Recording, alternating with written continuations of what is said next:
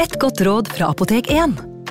Nå er snart pollensesongen i gang, og et godt råd til deg som sliter med pollenallergi, er å begynne behandlingen i god tid før allergisesongen starter. Da får du nemlig enda bedre effekt av legemidlene, og så blir ikke våren din helt ødelagt. Kom innom og få råd på ditt nærmeste Apotek 1, eller chat med oss på apotek1.no. Apotek 1 vår kunnskap, din trygghet.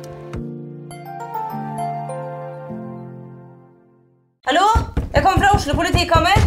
Ine Jansen er purk. Er du purk? The motherfucking bitch. Alt jeg vil, er å finne ut hva som skjedde med mannen min. Jon Carew. Er jeg sikta for noe? Iben Akeli. Det er du. Ole So, Lars Berrum og Big Daddy Karsten. Hvem sin side er du på, egentlig? Anette Hoff, Tone Danielsen, Kommer du fra Afrika? Jørnis Josef, Nesten. Kløfta. Trond Espen Seim, Det er synd å si det, men det var feil mann som døde. Purk. Premiere tirsdag på TV2 Play. Advarsel. I denne podkasten vil du høre historier basert på informasjon programlederne har funnet selv. Programlederne står ikke nødvendigvis inne for meninger og syn som fremstilles. Noen påstander kan avvike fra virkeligheten.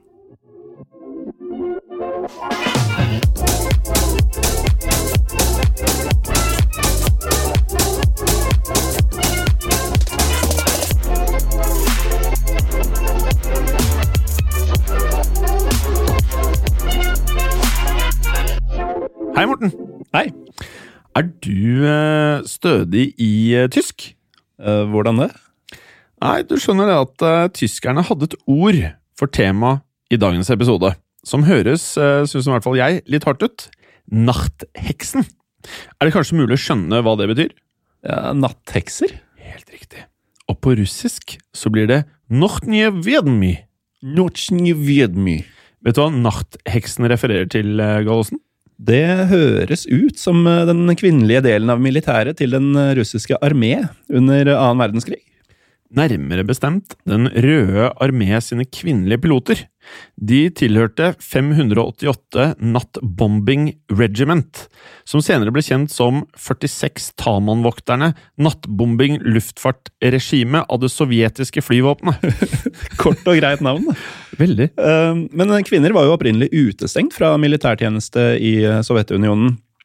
Eh, Men den 8. oktober 1941 så ga Josef Stalin en ordre om å igangsette ansamling av et kvinnelig flyvåpen, og blant disse så var da dette 588. regimentet. Det å bruke kvinner til piloter for eh, bombetokt var ikke førstevalget til russerne. Ehm, For kvinnene hadde frem til dette tidspunktet vært eh, beskyttet fra all krig. Men i 1941 så skulle altså dette standpunktet forandre seg drastisk. Eh, For det var en enorm offensiv som var satt i gang mot Russland av nazistene, og russerne følte seg tvunget til å revurdere strategiene sine og komme opp med løsninger for å imøtekomme deres nye fiende. Og dette her var da Operasjon Barbarossa. Det var navnet på Hitlers invasjon av Russland. Det, Operasjon Barbarossa bør egentlig være en egen episode. Selvfølgelig. Det, det er faktisk litt sånn at jeg syns vi skal starte sesong to med Operasjon Barbarossa. La oss. Ehm, dette her var jo på mange måter et av de aller mest skjebnesvangre valgene til eh, Hitler og eh, nazistene under annen verdenskrig. Ja, for Operasjon Barbarossa den presset så raskt fremover mot eh, Moskva og Leningrad at russerne trengte alt av krefter de kunne samle til å holde stand mot tyskerne. Det var dette presset som fikk Josef Stalin den 8. oktober 1941 til å bestemme seg for å gi kvinner muligheten til å melde seg frivillig til skvadron 588. Eh, Regimentet var satt sammen av majoren Marina Raskova og ledet av major Jevdokia Bersjanskaja. Eh, De besto primært av frivillige kvinner i tenårene og tidlig i 20-årene. Vet du forresten hvorfor det ble kalt nattheksene? Det- Nei, ikke noe åpenbart som jeg kommer på umiddelbart. Det er fordi nazistene mente det kom en lyd. De mente det hørtes ut som lyden av en heks som brukte soplim.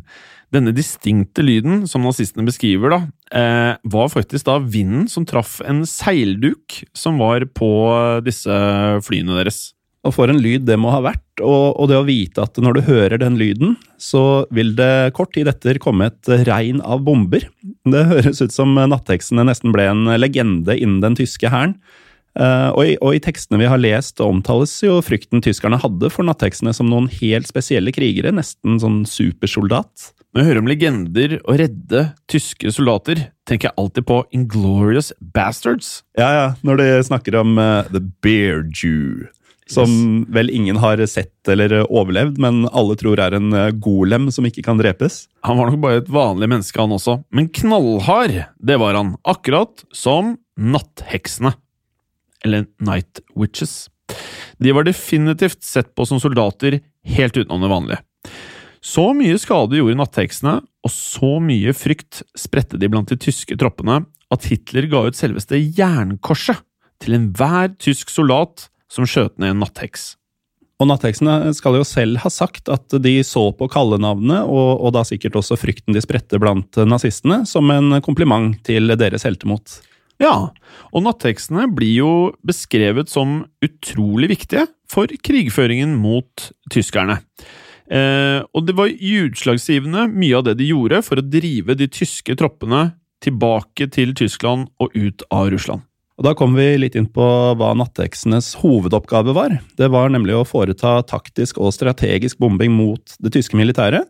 Men mest av alt bombing for å spre frykt blant tyskerne, rett og slett. Eh, og dette var da noe nattheksene skulle starte med i 1942 og utføre resten av krigen.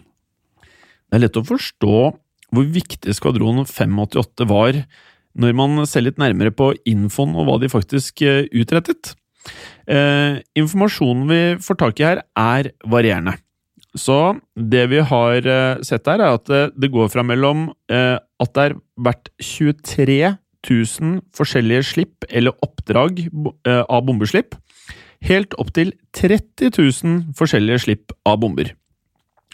Men det man dog er enige om, er at dette utgjør ca. 3000 tonn av sprengstoff og rundt 26 000 bomber. Når man hører de tallene, så blir det jo åpenbart at dette er eh, den mest dekorerte kvinnelige enheten i den russiske armé under annen verdenskrig. Ehm, noen av pilotene hadde i løpet av krigen fløyet over 800 oppdrag, og i løpet av krigen så fikk hele 23 av pilotene tildelt tittelen og utmerkelsen helt av Sovjetunionen, som da var landets høyeste tittel, mens 22 av pilotene totalt sett skulle falle i døden i løpet av eh, Regiment 588 sine tokt. For å forstå akkurat hvor tøffe disse pilotene var, må vi se nærmere på flyene og utstyret som de hadde til rådighet, Morten. Ja, for nattheksene de var virkelig ikke bortskjemte på verken fly eller klær. Flyene de brukte var eh, laget av treverk og som du nevnte tidligere, seilduk. Det var av typen Polikarpov U2, eh, som er et design fra 1928, og det er da en flytype som primært eh, ble brukt til trening og til å sprøyte åkre. Flyene minner vel mest om flyene jeg har sett på gamle bilder av de Wright-brødrene brukte? Ja, det de, de var ikke dagens teknologi eh, de var utstyrt med på denne tiden. Det minner litt om han eh, fylliken som blir helten på slutten av Independence Day. Eh, det første som slår meg, er da faktisk hvor kaldt det må ha vært å fly i disse flyene, Morten. For at det, det var ingen form for vindbeskyttelse, og de fløy stort sett under alle tider av året, altså vinterstider like fullt som sommer. Eh, og cockpiten var helt åpen. tanken på da bare fly med en åpen cockpit i disse vintermånedene må bare vært helt ekstrem. Så kan man jo legge til at de kun fløy om nettene, og da er det jo ekstra kaldt. Så det er rimelig harde kvinner her, og det var ikke uvanlig med frostbitt og frostskader i ansiktene deres. Og så skal man også huske på at eh, det de hadde av klær, dette var heller ikke valgt på øverste hylle.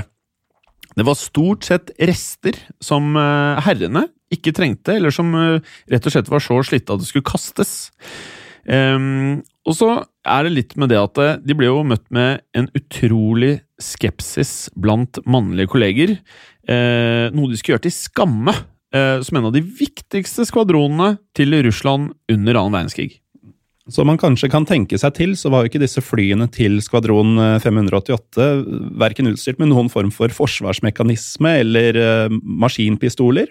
Uh, så det må ha vært utrolig nervepirrende og gjør det bare enda mer vågalt, det heksene hadde meldt seg frivillig til. De hadde heller ikke radio eller radar, så det de brukte var utrolig nok kart og kompass, og det beskrives som at de også hadde mer enn ett linjal oppe i cockpiten. Og som om ikke det var nok, så var flyene deres utrolig lettantennelige. Det skulle utrolig få kuler til før hele flyene som var laget av tekstil og treverk, sto i full fyr. Um, det blir sagt at de brant opp like fort som et par ark med papir. Og på toppen av det hele så hadde ikke nattheksene noen fallskjerm eller annen mulighet for å komme seg trygt ned på bakken. For det som var med fallskjermene, de ble nemlig sett på som uh, unødvendige, de. For at de var jo av eh, en viss vekt, og ettersom vekten på bombene gjorde at de måtte velge da å ha mindre sprengkraft om bord på toktene, så valgte man da selvfølgelig vekk fallskjermene. det er ganske heftig å tenke på.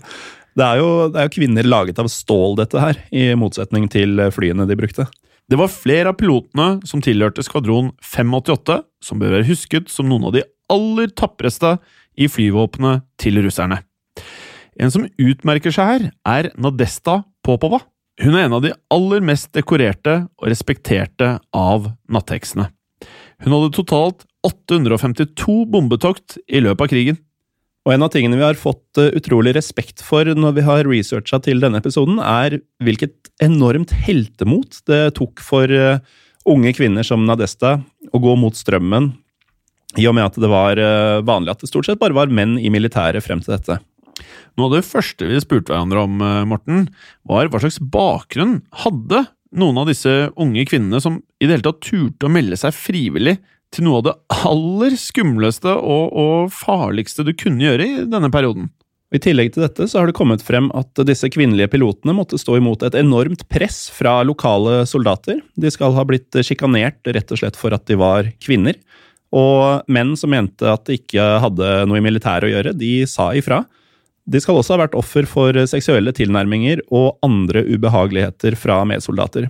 Men allikevel så sto de imot. De er helter, eh, Morten. De fortjener heder, og de fortjener at folk vet hvem de er, og at de blir husket. Vi gikk derfor mer inn på livet til Popova. Hennes bakgrunn var at hennes bror ble drept av nazister, av den grunn at Gestapo skulle bruke huset deres som politistasjon. Hun husker også fra perioden før hun ble pilot, at når tyske fly angrep sivile kvinner og barn, at hun hadde minne av at hun kunne se nazistene i flyene som smilte idet de skjøt og plaffet ned sivile. Hun ble med i en flyveklubb i en alder av 15 og skulle senere bli flyinstruktør. Hun ble åpenbart en erfaren pilot etter hvert, og var ikke i tvil om at hun skulle søke seg til å bli en del av skvadron 588. Hun ble først nektet, men ble omsider tatt inn. Hun husket det å bli en del av skvadronen som noe som gikk utrolig raskt fremover. Kort tid etter at hun ble tatt inn, var hun allerede oppe i lufta. Hun gjennomførte halsbrekkende oppdrag, og hun husker spesielt godt hennes første oppdrag, der to av venninnene hennes ble skutt ned og drept. På samme tokt så slapp hun allerede der to bomber og traff med begge to. Når hun landet etter oppdraget, rakk hun ikke så mye som å trekke pusten eller sørge for venner og da medsoldatene sine. Hun mente selv at dette var det beste som kunne skje, for da rakk hun aldri å bli lei seg eller komme i en noen form for negativ tankespiral som kunne påvirke henne i lufta. Det her er mentalitet. Mentalitet, ja. Hør på det her. Popova ble i løpet av krigen skutt ned flere ganger. Altså, hun ble flere ganger skutt ned i et fly som krasjet eller måtte nødlande, Morten. Og ut fra sånne intervjuene hennes blir gjenfortalt, så virker ikke dette som noe som avskrekket henne i det hele tatt. Eh, hun sier at eh, det å bli skutt ned var ikke så ille, for hun ble aldri noe særlig skadet. Nei. Og en av gangene hun ble skutt ned, så husker hun at hun var midt i et område med en haug av sivile russere som var på flukt fra tyskerne. Her møtte hun en annen russisk helt. Dette er en såpass heftig historie Morten, at det nesten høres ut som noe som er iscenesatt i en Hollywood-film. Mm. Her møter hun Simjon Karlamov. De utvekslet å lese noveller og dikt til hverandre. Så de er, de er midt i skuddlinja på flukt fra tyskerne. Begge er piloter som har blitt skutt ned fra lufta, og de bruker tiden på å lese dikt. Eh, det er sånn det blir beskrevet, ja. Dette er harde folk, eh, Morten. Og når de omsider eh, følte seg ferdig med å lese dikt, da gikk de hver til sitt. Eh, disse to skulle, som to av de beste pilotene under krigen, møte hverandre gjentatte ganger. Og for å gjøre denne Hollywood-iscenesatte liksom-filmen enda mer komplett, så hyppig møttes de, og så godt likte de hverandre at de på slutten av krigen, når de møttes på Reichstag i Berlin, så skriblet de ned navnene på veggen, for så å gifte seg kort tid etterpå, Morten. Når det er sagt, så var de utrolig flinke taktisk og strategisk. Blant annet så var flyene deres så små at de ikke dukket opp på radaren til tyskerne. Og ettersom de ikke hadde radio i flyene sine, kunne heller ikke tyskerne finne dem ved å spore radiosignalene deres heller. Som Steve Prowse har skrevet i sitt sceneshow The Night Witches. They never used radios, so radio locators couldn't pick them up. They were basically like ghosts. Og Vi nevnte jo denne spesielle lyden av natthekstene tidligere. En av grunnene til at uh, lyden ble myteomspunnet, var det at uh, dette var stort sett det eneste forvarselet tyskerne fikk. De pleide nemlig å skru av motoren når de gikk inn for å slippe bombene. Og selv om flyene var utdaterte og treige, så brukte heksene akkurat det til sin eh, fordel. Flyene deres fløy treigere i toppfart enn det de tyske flyene gjorde når de bremset ned og gikk inn i skuddmonus. Eh, noe som ironisk nok var gunstig for eh, heksenes evne til å unngå å bli truffet. Så flyene var rett og slett for treige til at de kunne bli skutt ned av tyskerne? Ja, Sånn vi har forstått det, så hadde disse Polikarpov-flyene uh, utrolig gode manøvreringsevner pga. at de var så treige. Så de tyske flyene gikk rett og slett for fort, og var derfor stivere når man skulle svinge og snu eh, for å sikte på heksene. Mens heksene kunne fly frem og tilbake, opp og ned, fra side til side, uten at tyskerne fikk dem i sikte. Flyene til heksene var ikke kapable til å fly med mer enn to bomber av gangen. De hadde én under hver eh, vinge. Og for å gjøre store mengder med skade, så sendte 588-skvadronen gjerne 40 topersonsmannskap av gangen. Og hør på dette. De gjorde gjerne 18 flyvninger per natt. Det høres jo helt vilt ut. I, eh, i filmen Memphis Bell om eh, allierte bombefly som flyr fra England, så var det én bombing, og hvis du kom deg tilbake, så var man noen ganger ferdig for dagen, andre ganger ikke. Men seksene altså visste at for hver gang de kom seg helskinnet tilbake til basen, så var det rett ut igjen i ilden, bare man fikk fylt på drivstoff og lastet bomber. Hva det her må gjøre med psyken, tenker jeg. Eh, de var jo tvunget til å fly veldig lavt grunnet vekten på bombene. Noe som eh, naturligvis gjorde dem til enklere målskiver, og var også en av grunnene til at de kun fløy tokt om natten. Slik de fløy, var at de hadde en pilot som satt i front, og en som satt bak med navigasjonen. De fløy gjerne i formasjoner av tre fly av gangen. To av flyene fløy da gjerne lenger frem enn det tredje for å dra oppmerksomhet vekk fra det tredje flyet. De første flyene fikk da de tyske spotlightene fra bakken på seg.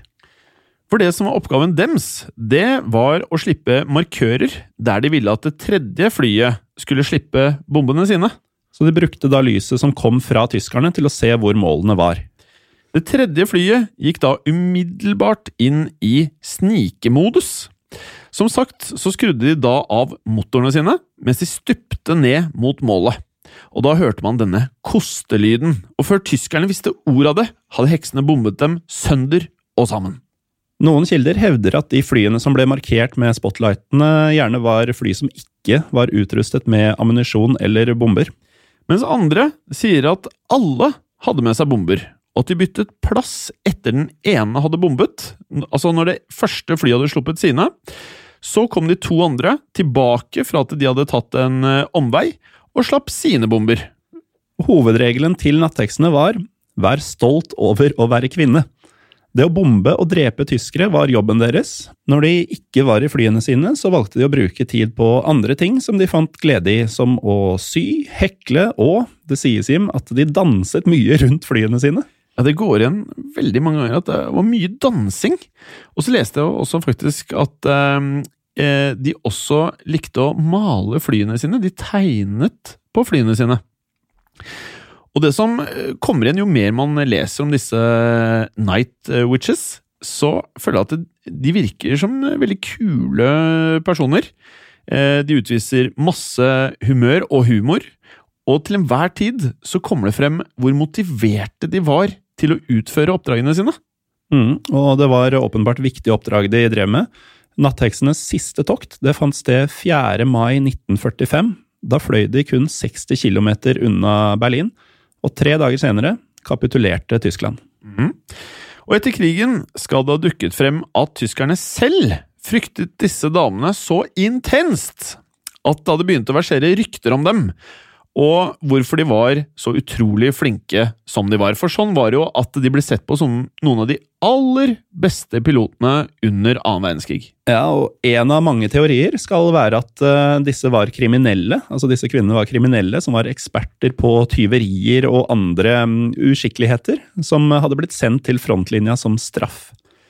Andre teorier, Morten, som at de alle sammen hadde fått injeksjoner som da visstnok skulle gjøre at de kunne se i mørket.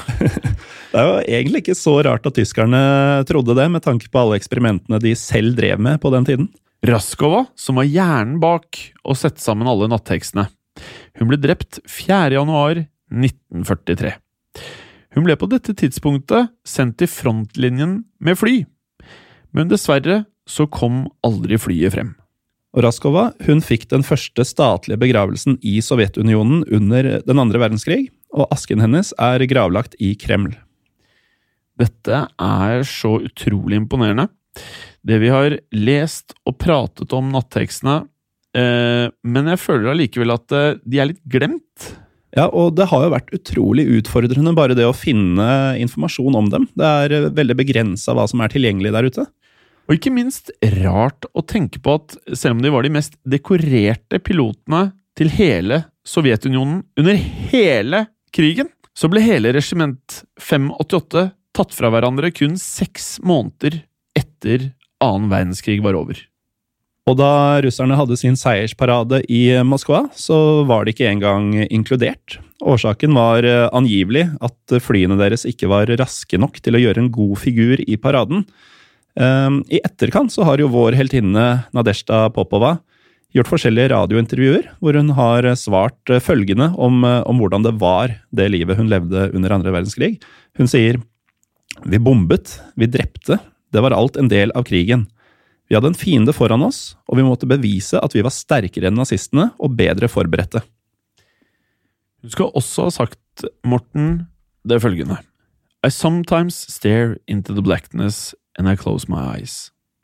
I can still imagine myself as a young girl, up there in my little bomber, and I ask myself, Nadia, how did you do it? Og med det er tiden inne for Tidsmaskin.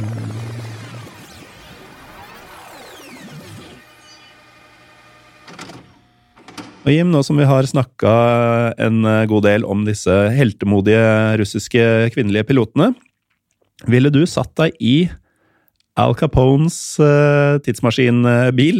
Ja, denne gangen må det jo være et fly. Ja, for vi, vi har gått bort fra, fra, å bruke kule biler nå som tidsmaskin. Ja, i hvert fall når uh, nattheksene hadde disse flyene, som var så fine å manøvrere. Så bare kjører vi på litt Tesla der, så ja. bruker vi de.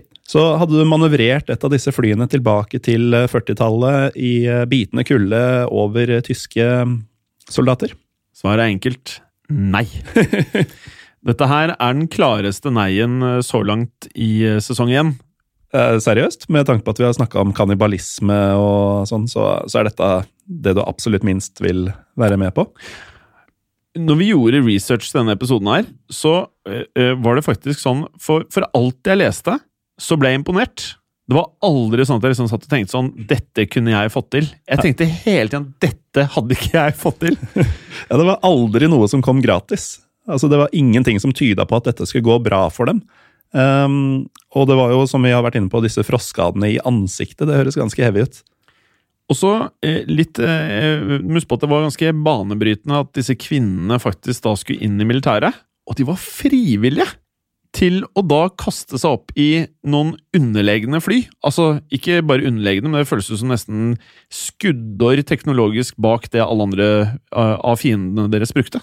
Ja, det var jo helt ekstremt hvor, eh, hvor, lite de ble satt pris på der og da, med tanke på klærne de fikk, flyene de fikk bruke, og som vi har vært inne på, hvordan de ble behandlet av sine mannlige kolleger.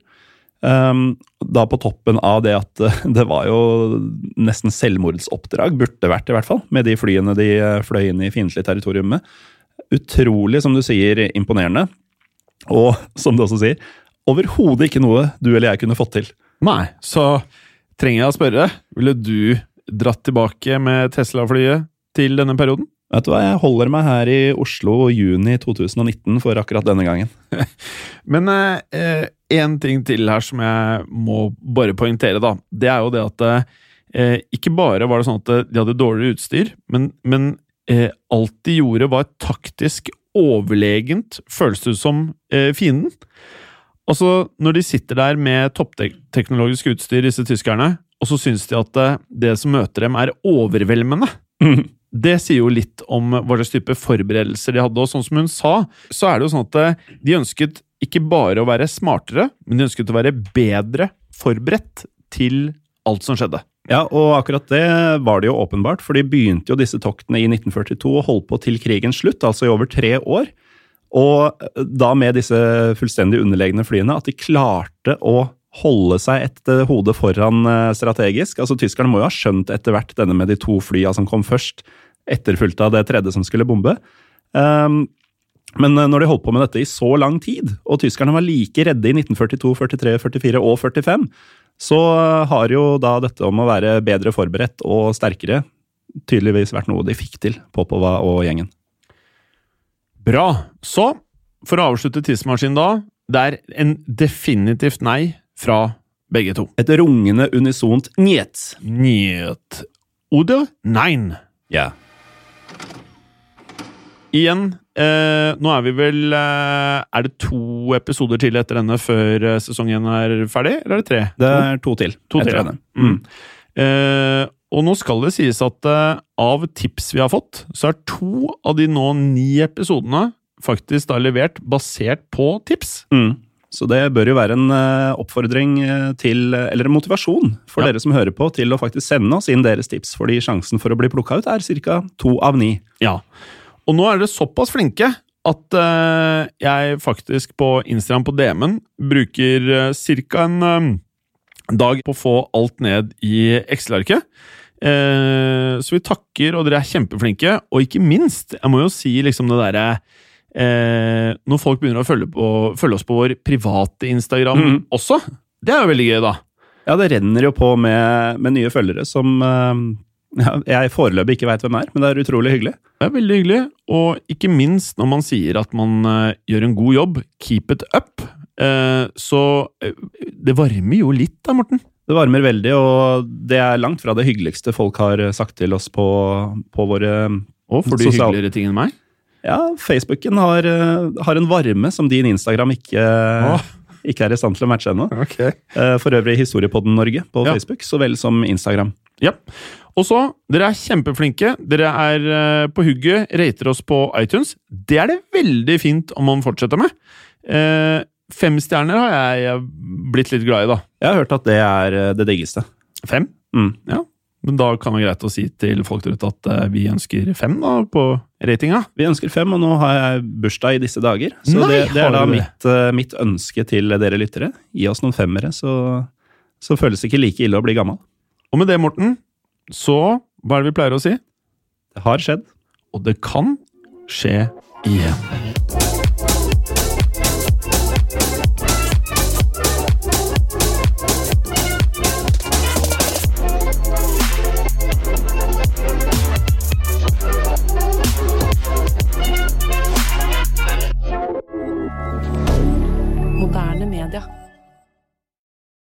Har du et enkeltpersonforetak eller en liten bedrift? Da er du sikkert lei av å høre meg snakke om hvor enkelt det er med kvitteringer og bilag i fiken, så vi eh, gir oss her, vi. Fordi vi liker enkelt. Fiken superenkelt regnskap. Og takk for at du lytter til Historiepodden. Skulle du ønske at du kunne høre en ny episode av Historiepodden hver eneste uke? Vel, da er det én ting å gjøre. Da kan du laste ned podkastappen Untold med det samme. For i tillegg til ukentlige episoder av podkaster som Historiepodden andre verdenskrig, Henrettelsespodden og også Gangsterpodden, så får du masse annet reklamefritt og også eksklusivt innhold. Last ned Untold i AppStore eller Google Play og start din 30 dagers gratis prøveperiode allerede i dag.